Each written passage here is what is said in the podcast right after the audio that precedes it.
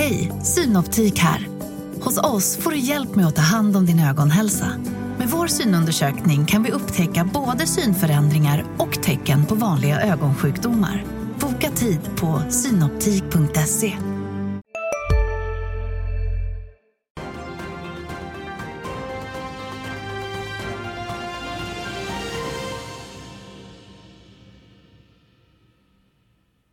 Ni tittar på Börsmorgon. Det är onsdag den 18 januari och Tokyobörsen stiger efter centralbanksbeskedet. I Hongkong ser vi en svag uppåttrend. Wall Street hade en ojämn handel igår. Här i Stockholm ser börsen ut att stiga närmare en halv procent vid öppning. I dagens Börsmorgon så tittar vi närmare på riskkapitalbolaget EQT som är först ut bland storbolagen att komma med rapport. Den var sämre än väntat. Är det värsta över eller blir svag penningpolitik en motvind för börsen? Och så tar vi tempen på världsledarna i Davos. Med mig här i studion Maria Landeborn, seniorstrateg på Danske Bank. Välkommen hit. Tack så mycket. Och på länk DIs Ulf Pettersson. Kul att du är med oss. Välkommen. Ska också nämna att vi kommer hinna med en till rapportintervju. Det med Mag Interactive och den kommer efter klockan nio.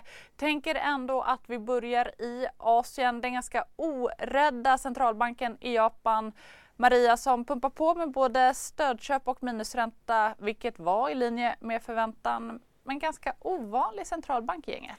Ja, men eh, Bank of Japan är ju lite udda fågel för tillfället med tanke på hur pass hårt alla andra centralbanker har svängt om penningpolitiken. Men å andra sidan så kan man ju kosta på sig det med tanke på att den japanska ekonomin ser lite annorlunda ut med svag tillväxt. Man hade inte den här extrema skjutsen i ekonomin som vi, vi andra eh, upplevde efter att vi öppnade upp efter pandemin. Och dessutom så är inflationen låg. Så Japan har inte det här problemet med inflation som vi har i resten av världen utan här fortsätter man med, med stimulanserna. Ehm, och eh, det man hade möjligen spekulerat i då, det var att man skulle släppa lite grann på den här kontrollen av tioårsräntan som man har, yield curve control. Men det gjorde man alltså inte utan man var tydlig med att den, eh, man ska fortsätta trycka ner tioårsräntan. Mm. Samtidigt är det lite spännande att alltså, japanska inflationen, absolut den är bara på knappt 4 mm. men den högsta på 40 år. Lite skillnad jämfört med eh, hur det ser ut här i väst. Eh, den brittiska inflationen fortsatte en bit över 10% fick vi nu på morgonen. Ulf, har du några tankar på en centralbank som vågar visa eller vågar vara contrarian? man trodde ju då för bara ett par veckor sedan att de skulle liksom bli lite som de andra bankerna, det vill säga strama åt då när de höjde så att säga sin eh, yield control curve då från 0,25 till 0,50 och då förväntade man sig nog att det skulle liksom gå i lite samma linje under det här räntebeskedet som kom i natt här, men det gjorde ju inte utan de ska fortsätta kontrollera räntan och de räknar med att, alltså centralbanken räknar med att inflationen ska falla tillbaks under 2 och det fick ju då eh, eh, de japanska räntorna att vända kraftigt ner. De var ju ett tag över den här halvprocents, eh, så att säga, taket som, som japanska centralbanken har, men är nu nere på 0,4 och det satte ju eh, även ner räntorna i omvärlden lite grann här under natten. Och det, det gör väl att vi kommer få en positiv börsöppning i, i, i Europa när vi öppnar här, mycket till följd av eh, eh, det japanska beslutet. För vi hade faktiskt eh, negativa terminer här tidigt, tidigt på morgonen, men sen så vände det när Japan, efter Japans eh, besked här från centralbanken. Mm. Eh, och eh, tänker också att vi ska prata lite arbetsmarknad. Medieuppgifter kommer ju nu om att amerikanska techbolaget Microsoft ska göra ytterligare nedskärningar, sparka 11 000 personer, eventuellt ungefär 5% av eh, personalstyrkan. Maria, har du några tankar? För annars ser vi en stark arbetsmarknad både i USA men också här i Sverige. Ja men arbetsmarknaderna är ju starka globalt men å andra sidan så är det en indikator som tenderar att släppa efter. Och när vi går in i en, en recession nu, om vi gör det, så brukar arbetsmarknaden vara den liksom, sista delen som man, man börjar se svaghetstecken på. Men frågan är ju då om de här stora varslen som vi sett från amerikanska teknikjättar är första tecknet på att det faktiskt håller på att hända någonting på arbetsmarknaden och att fler företag kommer följa efter. Och eh, hur pass väl arbetsmarknaden håller emot eller hur mycket arbetslösheten ökar det kommer också vara avgörande för hur pass djup lågkonjunktur vi möjligen kan få. För blir många människor arbetslösa så blir också de som har jobb försiktigare och då bromsar det in mer. Men så länge arbetsmarknaden är stark så är det, eh, är det liksom ett positivt eh, tecken inför resten av året. Mm. Eh, några som eh, bromsar in lite eller säger att det är i alla fall tuffare att eh, samla riskkapital det är EQT, eh, ett av de första storbolagen att komma med bokslut. Eh, bolaget rapporterar ett något lägre resultat än väntat under andra halvåret eh, 2022. Ebitda-resultatet var 416 miljoner euro. Förväntansbilden där låg på 443 miljoner euro. Samtidigt så höjs utdelningen till 3 kronor per aktie. Bolaget skriver att det rådande ekonomiska klimatet dämpar transaktionsmarknaden och bidrar till en restriktiv kapitalanskaffningsmiljö. EQTs finanschef Kim Henriksson var med tidigare här idag och han tror att det kommer bli ännu tuffare 2023. Å ena sidan så är väl kapitalanskaffningsdelen eh, eventuellt ännu svårare i 2023 i och med att våra kunder inte har fått, eh, inte har fått utdelning från, från, från eh, oss och våra gelikar under året när det har varit färre exits helt enkelt. Så kapitalanskaffningarna kan nog vara en, en, en ytterligare mm, eh, svårare i, i, i år, i 2023. Sen har vi ju sett kanske en liten ljusning i marknadsläge nu på alldeles senaste tid. Eh, och uh, man, man hör ju positiva rapporter från Davos och annat, men, men, men en liten ljusning i marknadsläge på, på senare tid som, som, som skulle kunna betyda att, att eh, affärsklimatet, eh, ma klimatet blir, blir något bättre. Men vi är nog väldigt försiktiga ännu i det här läget och försöker um, äh, vänta och se tiden an något. Att, att, att är det här verkligen en, en riktig förbättring eller inte? Bland annat så tror vi att, att, att det här är ett läge där man fortsatt ska vara mycket på sin vakt, både i portföljbolagen och hos oss när det gäller, när det gäller kostnadssidan och, och så. Men hur kommer ni klara av den här restriktiva finansieringsmiljön? Jag tänker, hur ställer sig banker till att agera medfinansiärer vid bolagsköp i den här riskavarta miljön?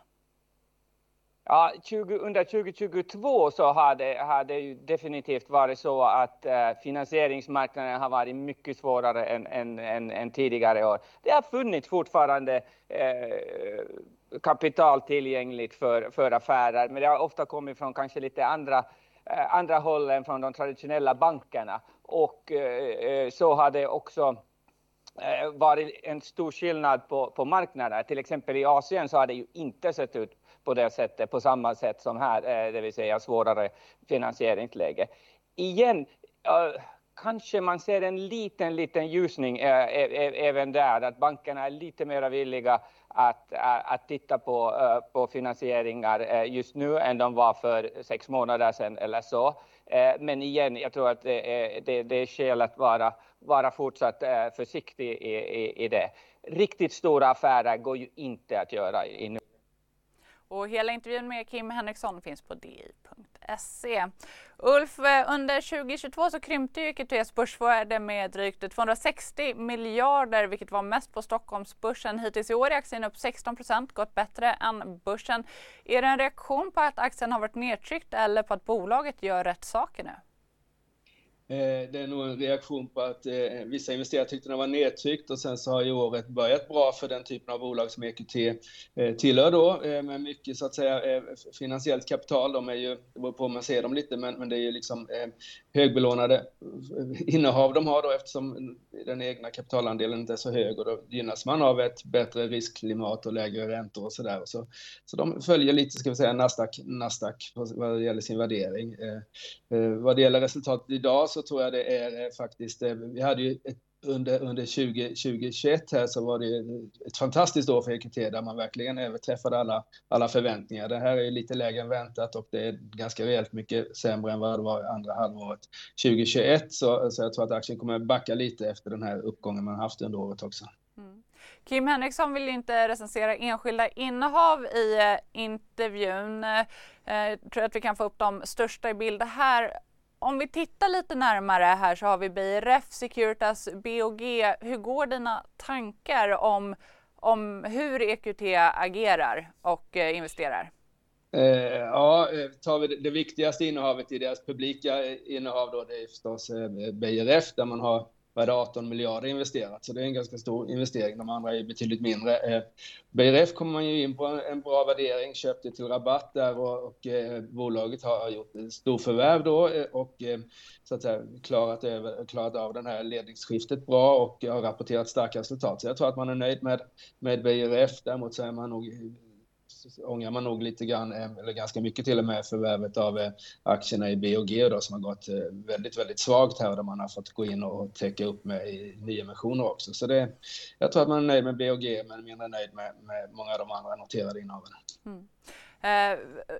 De är väldigt mycket inne på att de liksom går in i nya marknader, nya områden. Vad tänker du? Gör EQT rätt som satsar på Asien, lite mer life science?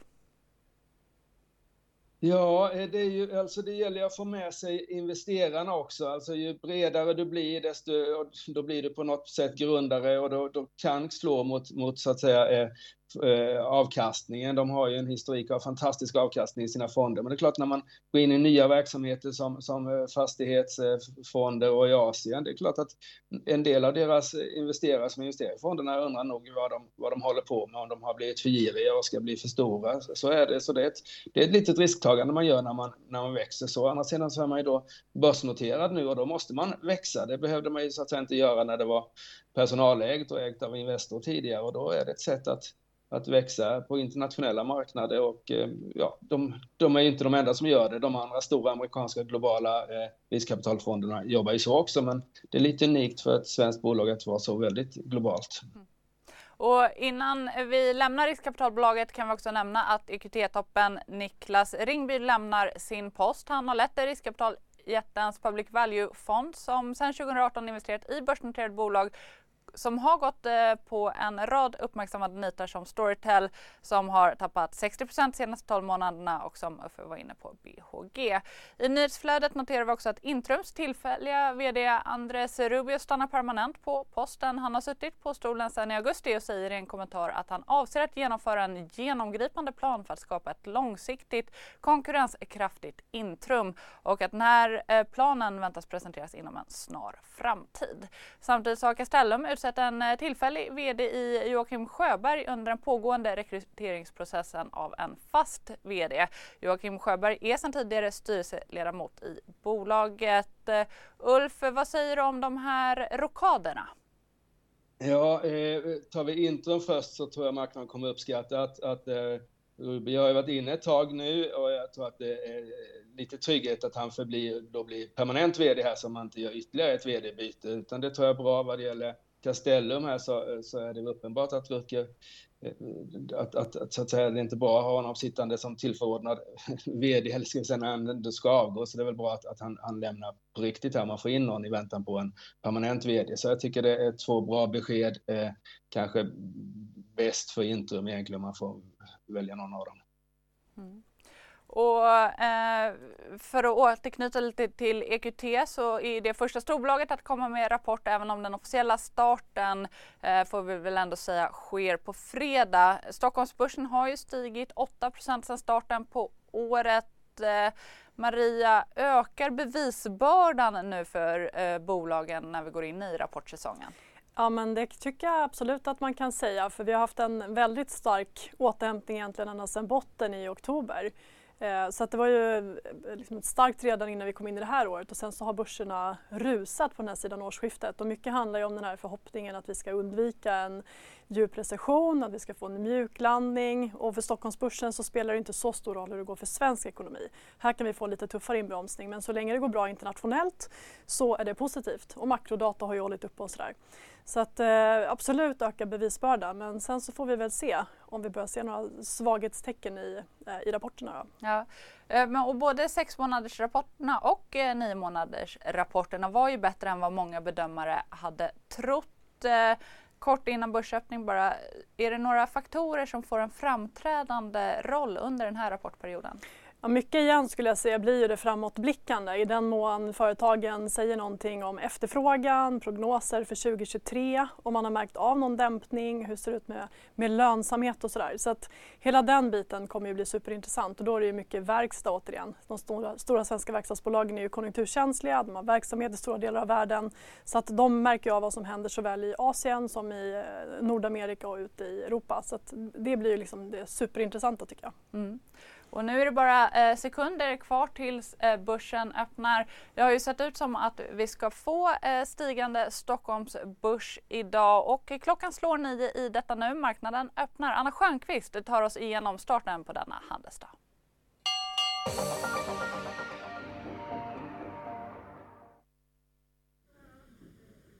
Ja, Stockholmsbörsen studsar upp lite idag, en halv procent som väntat efter nedgången igår. På storbolagslistan hittar vi Evolution i topp efter ett köpråd, även Sinch och Boliden i topp. I botten Autoliv som backar 2,5 procent. Även Essity hittar vi där efter en sänkt rekommendation.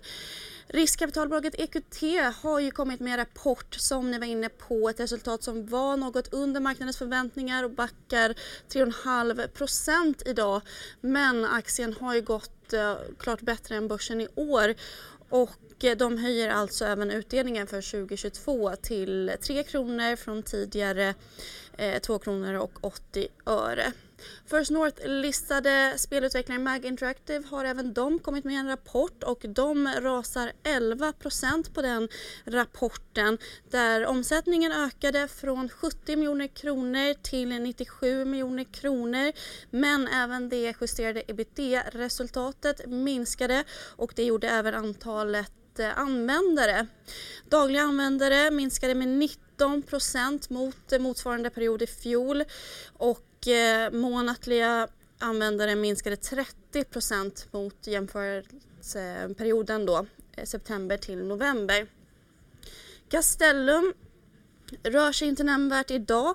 Eh, där så har ju eh, Castellum då utsett en tillförordnad VD i väntan på att de hittar en ersättare till den avgående VDn Rutger Arnhult. Och Intrum ser vi lyfta 1% Som ni var inne på så har Intrums eh, tillförordnade VD då utsetts till VD efter att ha varit tillförordnad VD i bolaget sedan i augusti 2022.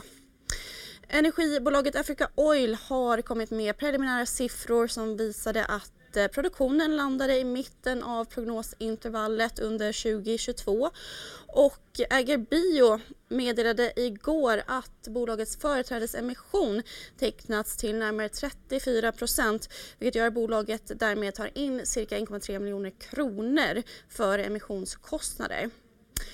Och Evolution som sagt lyfter ordentligt idag, 3,5 procent. Deutsche Bank har höjt sin rekommendation för bolaget till köp och även riktkursen skruvas upp ordentligt från 993 kronor till 1230 kronor. Och så har Essity då fått en sänkt rekommendation av Jeffries till underperform medan Carnegie även sänker Hexagon till behåll och de studsar upp som börsen idag ungefär en halv procent. Tack för det Anna. Och, eh, ja, men lite starkare signaler från Stockholmsbörsen idag igen. Jag har sett en stark utveckling. Det är en härlig årsavkastning egentligen bara mm. på två veckor. Orkar det här fortsätta Maria? Ja, men jag tror att för att det ska göra det så behöver vi ju nu se att saker och ting fortsätter utvecklas åt rätt håll och som sagt att bolagen Eh, också menar att efterfrågan håller uppe. Ehm, för det jag tycker då är att vi har ju sett en del makrofaktorer som gått åt rätt håll. Så här, inflationen i USA har tydligt vänt ner vilket är viktigt. Den är fortfarande hög i Europa men det är inte lika oroande för det är mycket energi och så. Eh, så att det går åt rätt håll. Vi ser Kina öppnar upp vilket är positivt för europeisk och svensk industri, ökar efterfrågan och drar ju upp den globala prognosen för tillväxten också i år. Så att mycket eh, makro har gått åt rätt håll, i alla fall den typen av makro. Mm. Men nu är frågan då om bolagen ser eh, fortfarande att det ser bra ut också. Och vi ska fortsätta prata lite om eh, makrodata som kanske pekar lite åt fel håll. Ja. Men vi håller kvar vid den tanken för Ulf, eh, jag vill komma till dig också. Eh, på fredag så startar ju eh, rapportsäsongen på riktigt får man väl ändå säga. Eh, Ericsson, Sandvik, Investor kommer alla om vi börjar med Ericsson, de har släppt en guidning helt för 2023, blickar istället mot 2024, har en del engångskostnader. Vad tänker du, vad blir viktigt här att titta efter?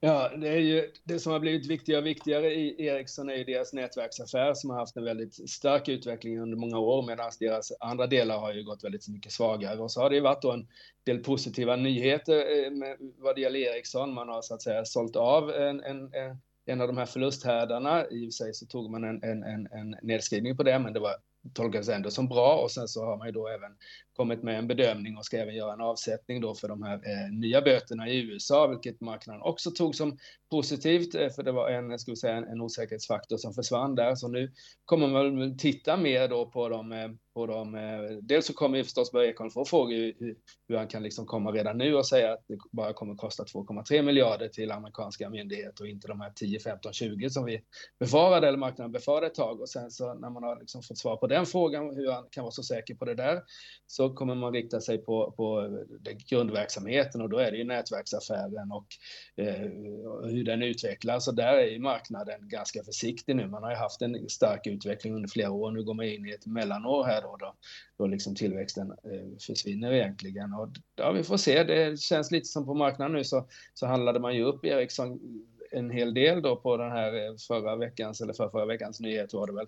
Och eh, nu är man eh, nu ser man inte riktigt något tillväxtcase längre utan då väljer man att titta kanske på verkstadsbolag istället som kanske gynnas av en, eh, en, en återhämtning i Kina och sådär. Och där är ju inte alls eh, Ericsson med för de är ju uteslutna ur den marknaden mer eller mindre. Mm. Och eh, tänk att Sandvik kanske ger en bra indikation just för andra industribolag? Absolut.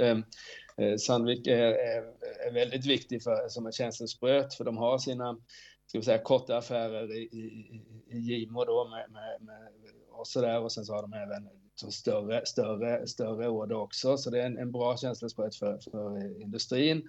Och här ligger ju då marknadsförväntningar justerat då för engångskostnader på en vinstökning på 25 procent och en eh, omsättningsökning på 20 procent. Och det har att göra med att orderingången var väldigt stark under, under fjolåret. Och då kommer man dels titta på hur, hur vinsten blir, eh, om de verkligen är upp till de här vinstförväntningarna och sen kommer man titta på orderingången eftersom det pekar framåt så att säga. Och där är man väl lite mer försiktig nu, för jag tror, jag tycker det som, som Maria var inne på att, att tar vi inköpschefsindex och sånt där så har ju de gått ner under hösten och det bör ju synas i orderingången för ett bolag som Sandvik medan resultatet lär vara fortsatt, fortsatt starkt. Mm. Vi ska prata mer industri alldeles strax. Innan vi gör det, eh, Ulf, eh, jag är också nyfiken på Investor som ju kanske jämfört med många andra bolag faktiskt satt still i båten när allt rusade. Har, har de ett starkare läge här eller har de mer att bevisa?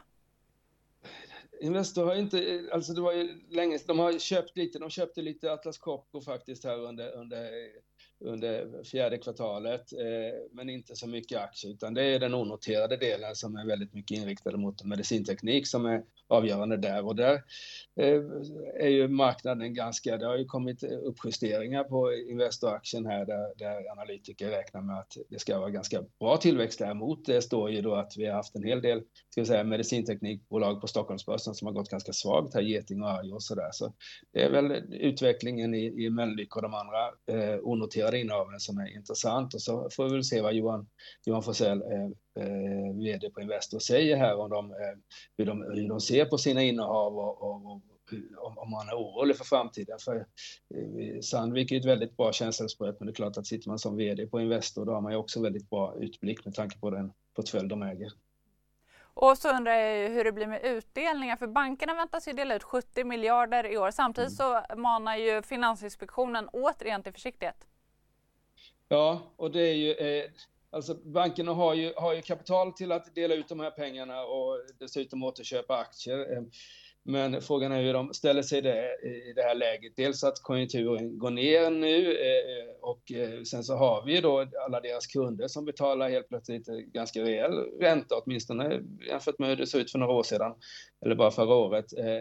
Ska man då liksom ta den, ta den debatten genom att ge väldigt höga utdelningar när man vet att man kommer få både eh, Riksbank och FI och, och, sina kunder mot sig. Så det ska bli intressant, väldigt intressant att se hur de, hur de kommer göra här. Eh, eh pengar har de. Det, de som kommer dela ut minst pengar är väl då Swedbank, för där, de sitter ju och väntar på sina, sitt bötesbelopp från USA här, så jag tror att de kommer nog bara hålla sig till halva, halva årsvinsten och hur de andra gör blir väldigt intressant. Och jag tror att man kommer vilja, inte vilja skicka den signalen om att allt, allt är frid och fröjd genom att dela ut väldigt mycket pengar, utan jag tror man kommer vara lite försiktig, men det återstår att se. Tar vi de andra bolagen så eh, verkstadsbolagen ska det också bli intressant att se hur de agerar. Men, men jag tycker mig ha hört att, att eh, kassaflödet har varit fortsatt svagt med stora, stora lagerökningar och sådär. Eh, och då kanske jag även håller igen där lite grann. Dessutom är det ju, så att säga, har ju pengar blivit dyrare då med ränteuppgången. Så, eh, så, det, ja, så kanske man inte vill dela ut så mycket eftersom det är lånade pengar man delar ut eftersom de flesta har en nettoskuld. Mm. Ja, vi har ju varit inne på verkstad och inne på en hel del makrodata som pekar åt rätt håll. Samtidigt eh, så ser vi att tillväxten som Uffe är inne på också i industrin har bromsat in Maria. Ja, och det är väl den stora frågan här. Därför att samtidigt som en hel del makro ser bättre ut så var ju temat redan under förra rapportsäsongen lite den här frikopplingen mellan makro och mikro. Så att industri-PMI pekade neråt och tittar man på orderingången Ehm, så såg man hur den föll väldigt brant. Den har fallit brant såväl för svensk del som i USA och i Europa. Och samtidigt då så såg bolagen i princip ingenting av det här. Och frågan är ju då om det har börjat slå igenom nu, tre månader senare, eller om det fortfarande är starkt. Men någonting som talar för att det fortfarande har varit ett bra klimat, det är ju att vi faktiskt inte haft några vinstvarningar att tala om. Hade det varit så att man på bred front hade märkt av en avmattning så hade nog fler bolag varit ute och flaggat för det, men det har vi faktiskt inte sett. Mm. Så det är väl möjligen ett positivt tecken då. Mm. Och samtidigt måste jag fråga, blir det att problemen bara fortsätter skjutas framför oss för att eh, orderböckerna har varit så välfyllda eller kan det bli att vi slipper lågkonjunkturen helt för att den har varit så förutspådd? Jag tror inte att vi slipper den helt. Däremot så ser det ut som riskerna för att den ska bli djup eh, eller långvarig har minskat tycker jag. Sen så beror det lite grann på om man pratar om den, det globala läget eller det svenska läget. Därför att jag tror att svensk ekonomi kommer se en lågkonjunktur på grund av att vi är så räntekänsliga. Vi har stora bolån med korta bindningstider så att här blir det nog lågkonjunktur. Men återigen, för Stockholmsbörsen som helhet så spelar inte det så stor roll utan det är mycket viktigt att det håller uppe i omvärlden. Och då är det ju positivt att den amerikanska inflationen har fallit sex månader i rad och att det finns mycket som pekar på att inflationen kommer fortsätta falla neråt och då att penningpolitiken, eh, kanske, man kanske höjer i mindre steg som det spekuleras i både kring Fed och ECB för tillfället. Och får vi då den här toppen i styrräntor, Hej, Ulf Kristersson här. På många sätt är det en mörk tid vi lever i. Men nu tar vi ett stort steg för att göra Sverige till en tryggare och säkrare plats. Sverige är nu medlem i Nato. En för alla, alla för en. Vi är specialister på det vi gör, precis som du. Därför försäkrar vi på Swedea bara småföretag, som ditt. För oss är små företag alltid större än stora och vår företagsförsäkring anpassar sig helt efter firmans förutsättningar. Gå in på swedea.se företag och jämför själv. Inflationen fortsätter ner. De minskar mycket osäkerhet kring, kring inflation och kring penningpolitik och det är ju bra för riskaptiten också. Så det är positivt. En annan sak som jag tycker man kan addera också det är ju det här att det här är en lågkonjunktur som alla har pratat om. Alla vet att det ska bromsa in. Vi har snackat om det här ett halvår men det har inte hänt så mycket. Men det gör ju också att företagen har ju goda möjligheter att leta tecken, att förbereda sig och vi kommer från en väldigt, väldigt bra period där många företag har starka balansräkningar, man har haft rekordstora vinster, väldigt hög lönsamhet. Så att bolagen är ju ändå ganska väl eh, förberedda också tror jag. Mm. Men och Uffe, jag vänder mig till dig för att det känns ju som att marknaden redan lite har blåst faran över kan det vara så att, att vi helt har lämnat botten bakom oss för att vi är så väl förberedda? Start på det här året, en av de bästa någonsin, i alla fall i USA då, så här långt in i januari. Och det har att göra med eh, att vi är i en väldigt bra situation då, där exempelvis där eh, Europa, eh, utsikterna för Europa har förbättrats, de ekonomiska utsikterna. Eh, samtidigt så har vi då fått exempelvis igår då som var i Bloomberg ute och pratade om att ECB kanske inte kommer göra två halv 50 punkters höjning här utan man nöjer sig med en 50 punkters så en 0,25 och det är positivt. Och så har vi då den här inflationssiffran i USA som var en som var en väldigt positiv nyhet för börsen då när faktiskt eh, inflationen minskade månad för månad och det är klart att om det blir några sådana månader så kommer ju den här inflationen på 6,5 procent ganska, minska ganska snabbt då. Då kanske det inte blir de här eh, så många fler räntehöjningar i USA. Det, då, då vet marknaden att ja, nu har vi nått eh, väntetoppen. och då vet vi och då, då tror jag liksom marknaden tog ut lite det. Det gick väldigt snabbt liksom. Marknaden är ganska snabb på att ta ut, ta ut hela, hela, hela den här positiva eh, effekten. Och, ja, det är, eh, ja, det är alltid ett svårt läge på börsen, men, men den här uppgången är ju driven på en betydligt högre optimism än vad det var så sent som i december. Eh, och vi ska fortsätta prata mer om det här och om penningpolitik om en liten stund för nu har det blivit dags för en ny djupdykning i ett rapporterande bolag. Vi ska till First North-listade spelutvecklaren MAG Interactive som ökat nettomsättningen med 39% jämfört med samma period året innan. Eh, resultatet för perioden blev däremot bara 3 000 kronor, justerad högre. Men VD Daniel Hasselberg, låt oss börja där kring lönsamheten. Du skriver om betydande investeringar. Hur har kvartalet varit? Ja, men det, vi är jättenöjda med det här kvartalet. Dels som du säger 39 procents ökning i omsättning, eh, högsta vi någonsin sett som bolag, så det är vi väldigt glada över såklart. Eh, och mobilspelsbolag, det handlar mycket om att kunna investera på ett bra sätt i anförskaffning av, av användare och även där är vi på rekordhöga nivåer och det är ju något som båda gott för framtiden för oss att vi kan investera i få in nya, nya betalande kunder som, som eh, genererar vinster över tid. Mm. Men på kort sikt när man, när man ökar volymerna av, av kundanskaffning så, så slår det på resultatet. Det är det vi ser här. Mm. Ja, men även förra kvartalet så ökade ni ju investeringarna i just user acquisitions. Hur ser det ut framåt? Ska vi räkna med ebitda runt nollan även framgent?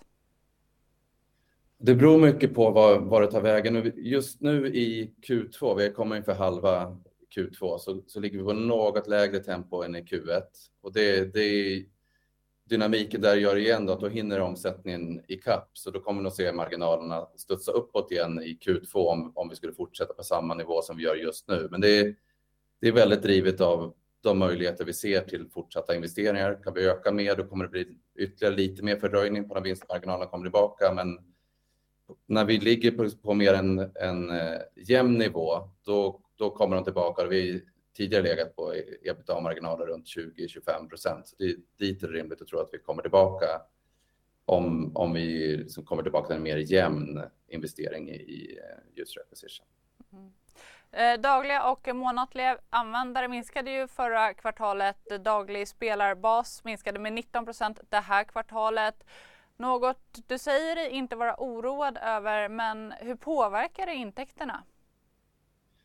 Ja, de på, det påverkas ju inte eftersom snittintjäningen har gått upp med, med nästan 40 procent. Så det här handlar egentligen om, igen om man går tillbaka till user acquisition, när den funkar riktigt bra, om man träffar rätt i målgruppen, så får du in användare med betydligt högre prestanda, men också till ett högre snittpris. Så, så länge den relationen funkar bra, och det gör den, då ser du det vi ser här idag, att användarna nyanskaffningar av användare, eller det är färre användare med högre värde. Därför kan omsättningen öka med nästan 40 procent trots att eh, spelarbasen är något mindre än för ett år sedan. Är det i samma anda som ni öppnar upp för att 75 procent återbetalning av UA-kampanjer ska ske inom 180 dagar istället för normala kravbilder på 100 procent. Kan du ta oss igenom lite varför ni väljer att göra den här förändringen? Ja, det, där här handlar mycket om att ju, ju längre du haft ett spel live, det här, mycket av investeringarna här går till ett spel som vi släppte för ungefär tre år sedan. Och ju längre spelet har varit live, desto mer data har du på hur liksom, kurvorna utvecklas i lifetime value som vi pratar om för spelarna. Så ju mer man vet om det, desto tryggare kan man bli att investera i att få tillbaka eh, pengarna efter sex månader eller sju eller åtta månader och så vidare. Så i tidigare skede så har vi vill se 100% återbetalning på sex månader för att vara trygga med att få goda marginaler. Nu har vi kunnat stretcha det lite till för att vi har ännu mer kunskap om spelet. Det som det medför då är att då får man mer muskler att kunna eh, investera mer i och ta en större andel av marknaden. Så en, en intressant dynamik som vi ser just nu är att många bolag minskar på sina marknadsföringsinvesteringar och kanske tar ett steg bakåt, är lite försiktiga och vi, då öppnas det större möjligheter för oss. Så vi ser det som en, en stor möjlighet att kunna ta ett steg framåt om man har både väletablerade spel med mycket data och en bra kassa som man kan sätta i arbete. Så vi, det är en jättebra öppning för oss som vi ser. Och det är en rekordomsättning som ni redovisar det här kvartalet. Tidigare har ni inte sett någon negativ påverkan av eh, liksom den svaga utvecklingen i den globala ekonomin eh, utan ni har sagt snarare tvärtom. Hur ser det ut för er nu? Märker ni av en försvagad konsument? Inte i, nej precis, inte alls i de, vad det gäller hur de spelar våra spel eller den mer direkta mätaren som också ser konsumentköp i spelen. Det rapporterar vi om det här rapporten också då, att eh, köpen har gått upp med 75 procent jämfört med ett år sedan. Så det är igen, vi hittar väldigt rätt till rätt målgrupper och tendensen att göra köp i spelen har ökat ganska kraftigt mot för ett år sedan. Så där ser vi inga lågkonjunktursignaler. Det, möjligen är det så att den här typen av mindre köp och av underhållning är något som man prioriterar även om man känner att man håller i plånboken och inte köper ny bil eller nya vitvaror. Eh, däremot så tror vi att det spelar oss i händerna vad det gäller marknadsföringssidan, att många bolag, det kan vara i andra branscher, som tävlar om, om att nå samma konsumenter, inte är lika aktiva på marknadsföringsfronten och då är, det tror jag är en del i att vi nu kan investera betydligt mer än vad vi kunde för ett år sedan. Tack eh, Daniel Hasselberg för att du var med här i sändning och kommenterade rapporten. Jag vänder mig direkt till dig Ulf. Eh, vi såg ju att aktien handlades ner lite här. Vad säger du om bokslutet? Ja, lite var ju ingen överdrift. Det är 17 procent ner under ganska eh, stor omsättning här, så det är ju dagens förlorare då. Det är klart att omsättningstillväxten 40 procent är ju inget att klaga på, tvärtom, men, eh, men vinsten är ju, är ju utraderad det här kvartalet. Och som vd var inne här på sin förklaring till det, men till syvende och sist så är det ju, är ju vinsten där den är och det, det var ju en besvikelse för marknaden uppenbarligen. Sen får vi se framåt här vad, som, vad, vad, vad det innebär. Vi har väl en, eh, eh Apple har ju pratat om att öppna upp sin App Store, vilket skulle kunna sänka kostnaderna, eh, alltså provisionskostnaderna, försäljningskostnaderna via, via Apple eh, och det, det skulle kunna vara positivt för den här typen av bolag. Men, men eh, ett nollresultat och en sån, ett utraderat resultat var inte vad marknaden hade hoppats på med tanke på den kursnedgång vi ser. Mm. Nej, men vi har ju vd här som ändå låter positiv tycker jag. Men franska spelutvecklaren Ubisoft, de vinstvarnade, jag pratade med analytiker då, som menar att det är svårt för lite mindre spel, kanske inte inom samma sektor, men att liksom slå igenom när konsumenterna håller hårdare i plånboken. Jag tänker att även har MAG Interactive det som kan sticka ut i flödet när konsumenten håller hårdare i plånboken? Ja, det blir ju svårare. Det är klart att som du säger så blir marknaden smalare. Om man liksom tidigare köpte tio spel och så anser man sig ha råd med fem spel nu så är det klart att då kanske det är de fem som man har spelat mest och man testar inte så mycket de mindre spelen. Så det, det kan ju vara absolut en sån, en sån påverkan. Eh, vi får se framöver här. Det är ju de kommer ju, spelbolagen kommer ju från eh, liksom en, de var ju stora eh, coronavinnare då, där folk satt hemma och hade tid att spela istället för att åka till och från jobbet och sådär. Så, och det, det, är en annan, en annan marknad nu och tar man dessutom att, eh, att konsumenterna har det betydligt tuffare, alltså i, i Sverige då så är vi nere på ett konsumtionsutrymme på 2015 års nivå så vi har ju, med tanke på inflationen, blivit av med sju års så att säga, real, reallöne, reallöneökning här och det, det påverkar ju det här och det är klart att det påverkar kanske ännu mer stora sällanköp men det påverkar även mindre, den mindre konsumtionen så att säga. Mm. Vi eh, ska eh, prata om eh, tillväxtmarknadsaktier alldeles strax, även mer penningpolitik. Eh, men innan vi gör det så ska vi faktiskt bege oss utanför studion igen och till Davos i Schweiz där Världsekonomiskt forum pågår just nu och DIs reporter Malin Rising är på plats. Välkommen Malin! Förra året fick man inte säga R-ordet. Nu tror Tysklands förbundskansler Olaf Scholz eh, att landet faktiskt kan undvika en recession i år. Vad är i fokus och på allas eh, läppar i Davos i år?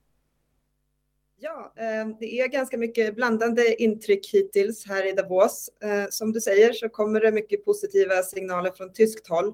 Jag lyssnade på Tysklands finansminister Christian Lidner här igår som pratade om att man kanske inte kommer behöva använda det, hela det här stora stödpaketet på 200 miljarder euro som den tyska regeringen sjösatte i oktober för att hjälpa företagen och hushållen genom energikrisen eftersom gaspriserna har gått ner så pass mycket som de har. Så ja, det kommer mycket positivt från tyskt håll, men samtidigt är det mycket fokus på Ukraina och mycket fokus på inflation och den här levnadskostnadskrisen som det har lett till. Så det är ganska mycket blandade signaler här.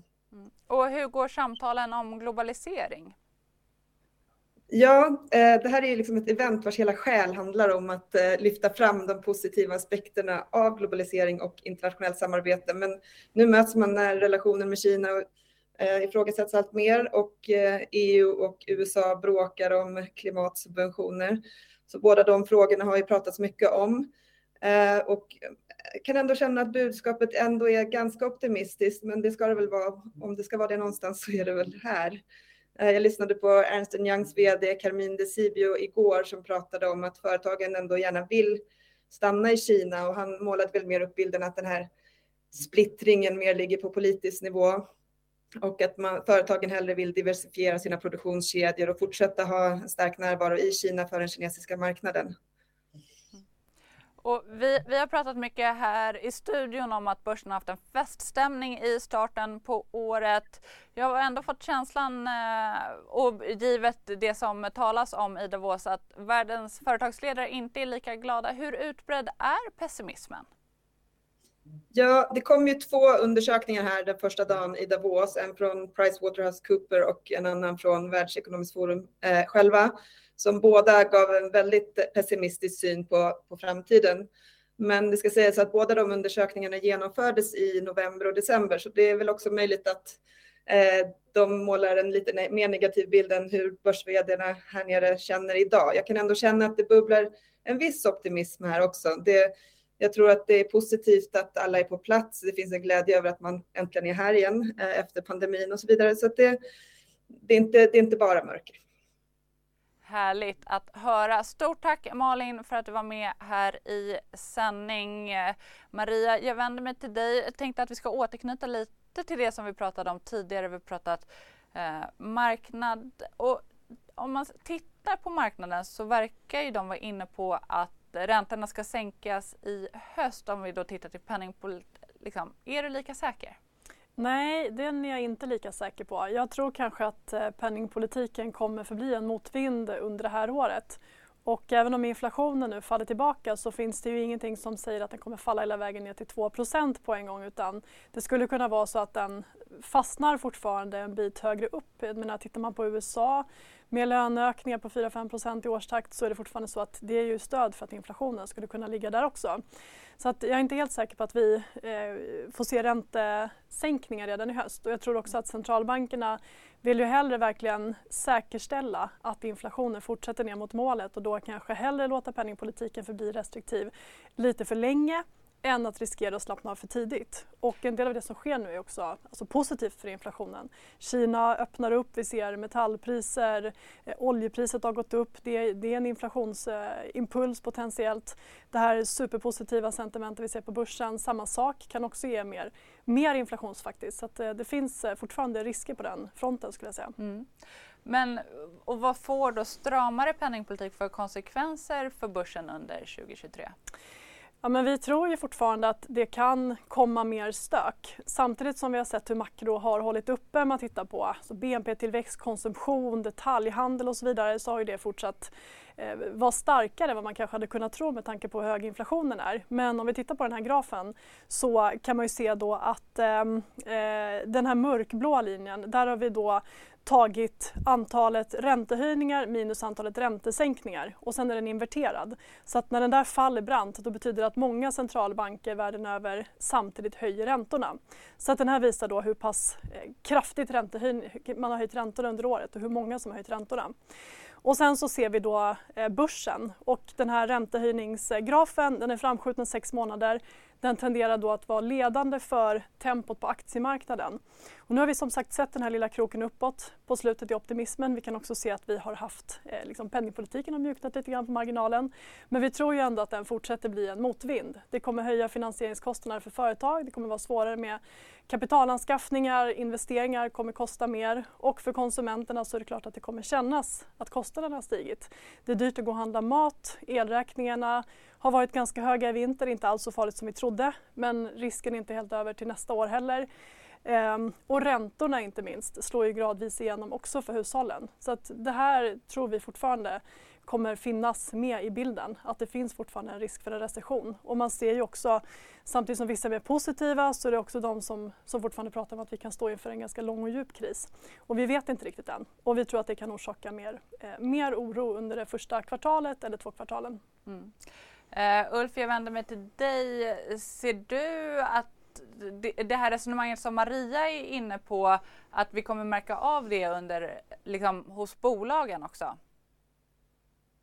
Ja, jag tror att bolagen kommer vara försiktiga i sina uttalanden. Det, är lite, det beror på lite var man är i, i cykeln också. De här som är så att säga eh, mer kortcykliska kommer ju ha, se, se större påverkan på den konjunkturnedgången vi har haft redan nu, medan tar vi ABB och sådana där som faktiskt är uppe på all time high och har mycket energi och, och så att säga är ganska sencykliskt. Så tror jag de kommer fortsätta se en väldigt god efterfrågan. Så det kommer variera lite grann, men det, det, rimligtvis kommer eh, så att säga pilarna som bolagen brukar använda sig av om efterfrågan pekar neråt under fjärde kvartalet. Och det men, men marknaden, åtminstone de senaste månadernas uppgång här, eller senaste veckornas kraftiga uppgång, ser lite över det, utan man räknar med att, att, så att, säga, att, att, att det här dystra andra halvåret 23 inte blir så dystert som man, som man trodde bara för någon månad sedan, av alla dessa skäl som vi har pratat om i sändningen. Men jag håller med, alltså, Maria i studion här, jag tror att centralbankerna är förstås väldigt nöjda med att inflationen nu börjar vika, men jag tror inte man Eh, är beredd att så att säga börja sänka räntan utan man har legat så pass mycket efter eh, under flera år så man vill nog inte hamna där igen utan man kommer nog hålla räntan ganska, på en ganska eh, hög nivå och om ekonomin ändå funkar av det så, så finns det ingen anledning att börja liksom stimulera igen så länge vi har en inflation på väl över 2 så Och det, det, sentimentet kan ändras snabbt. Vi har ett Fed-möte 1 februari. Det är bara Eh, mindre än två veckor bort och jag kan inte tänka mig något annat än att Powell kommer fortsätta vara ganska, ganska bask så att säga eh, och höjas. Nu kanske det bara blir 25 punkter då, men i hans uttalande så kommer det inte handla om att, att liksom faran är över nu och det är dags att blicka framåt, utan han kommer nog fortsätta vara ganska, ganska, eh, ganska stram i sin, i sin ord i alla fall. Mm kanske till och med ännu stramare givet då hur, hur eh, mycket börsen har stigit. Det har vi i alla fall sett tecken på tidigare. Men Maria, jag undrar också, liksom givet allt det vi pratar om, samtidigt Kina öppnar upp eh, som kan i och för sig bli inflationsdrivande. Men jag tänker att det också kan ge en liten revansch till eh, tillväxtmarknader. Ja, och det tror ju vi faktiskt att det kan bli i år. Tillväxtmarknadsaktier har ju gått svagt under lång tid och eh, förra året så var ju Kina den stora boven i dramat. Med alla de här stenhårda covid-restriktionerna, man låste in miljontals människor i storstäder under lång tid. Och det här dämpade ju tillväxten väldigt kraftigt då. Men framåt nu, nu har man ju på kort tid plötsligt bara släppt alltihop. Och det är klart att kortsiktigt så kommer det leda till smittspridning, tryck på sjukhus och eh, nu har vi helg, helgveckor eller lediga veckor här när folk kommer resa runt och det kommer säkert göra att situationen kortsiktigt blir ännu värre. Men blickar man framåt då så är ju ändå det här någonting som gör att vi kommer slippa den risken för nya nedstängningar. Det kommer ta bort press på globala eh, leveranskedjor och eh, kinesiska aktier har gått svagt under lång tid och halkat efter utvecklade marknader. Så att ett tema som vi ser inför det här året då, det är ju att vi kan få se en revansch för tillväxtmarknadsaktier Medan vi då tror att eh, utvecklade marknader relativt sett kan gå lite svagare och att det är större risk för stök här på grund av penningpolitiken också. För medan vi stramar åt här i USA och Europa för svensk del så kan ju faktiskt Kina stimulera ekonomin för att inflationen ligger knappt på 2% Så där har man alla möjligheter att, att göra det. Och så i kombination med den här uppdämda efterfrågan så tror vi att det kan vara positivt. Mm. Och Uffe, finns det också någon valutaeffekt här att, eh, att åka på?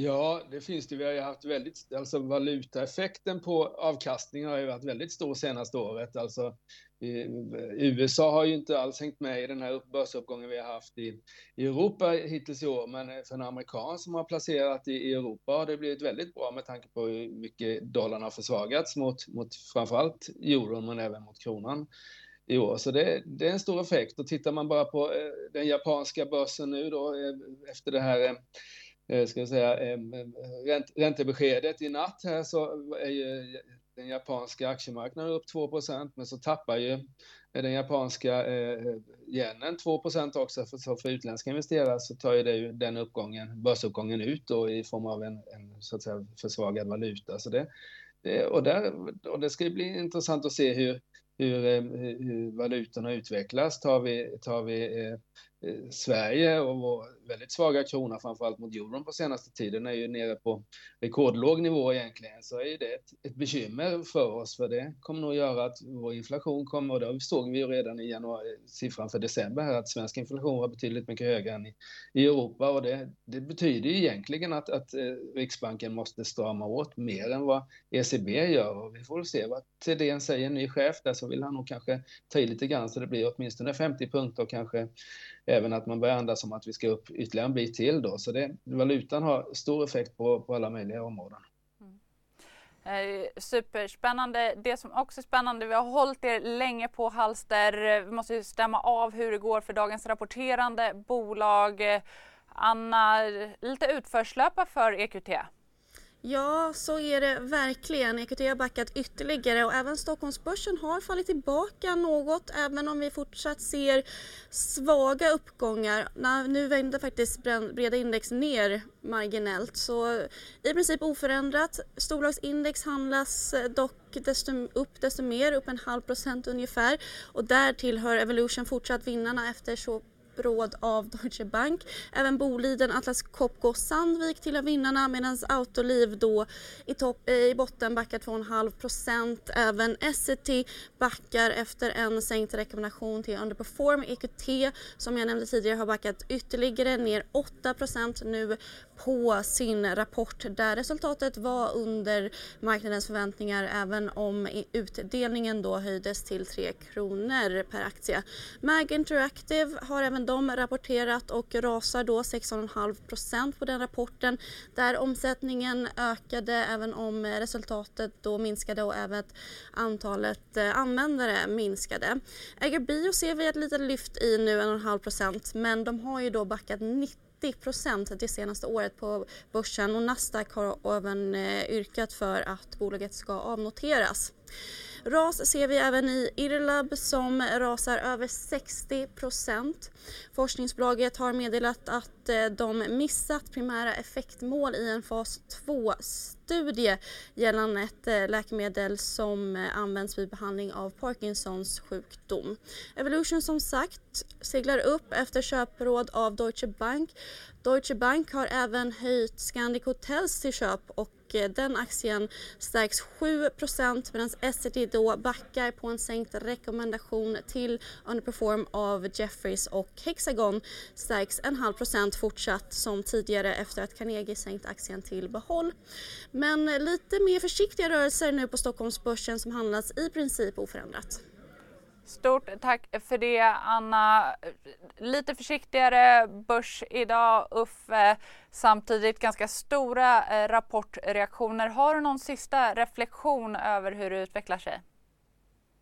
Eh, nej, alltså det är ju eh, Ja, det, det, det, är rapporterna som kommer, kommer avgöra kommande två veckors eh, börs och sen så kommer Fed ta över då första februari och sätta riktlinjerna och så får vi väl se vad som händer senare i, i, i, i vår här. Eh, det ska bli väldigt spännande. Att vi, Stockholmsbörsen när, det, när OMX30 var upp nästan 1 % här när vi, efter en 10 minuters handel så steg vi betydligt mer än i, än i Tyskland eh, egentligen. Och så brukar det vara liksom Stockholms, när det är lite mer optimist så stiger Stockholm mer än Tyskland och när det är lite mer pessimist så, så, så, så dalar vi mer och nu ja, vi får se här. Det, blir, det, ska bli, ja, det är rapporterna som avgör och Sandvik kommer vara den som sätter riktlinjer för den svenska börsen.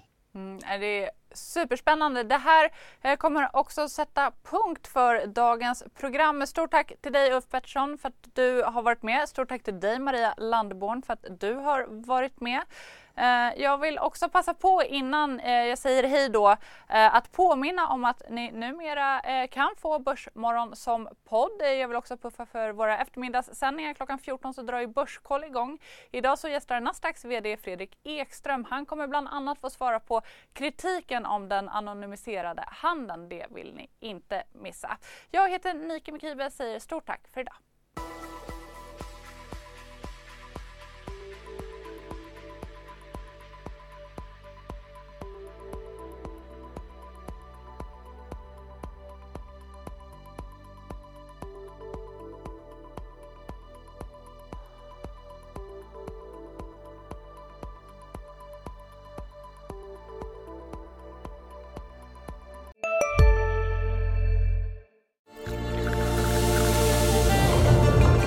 Välkommen till Maccafé på utvalda McDonalds restauranger med Baristakaffe till rimligt pris. Vad sägs om en latte eller cappuccino för bara 35 kronor? Alltid gjorda av våra utbildade baristor.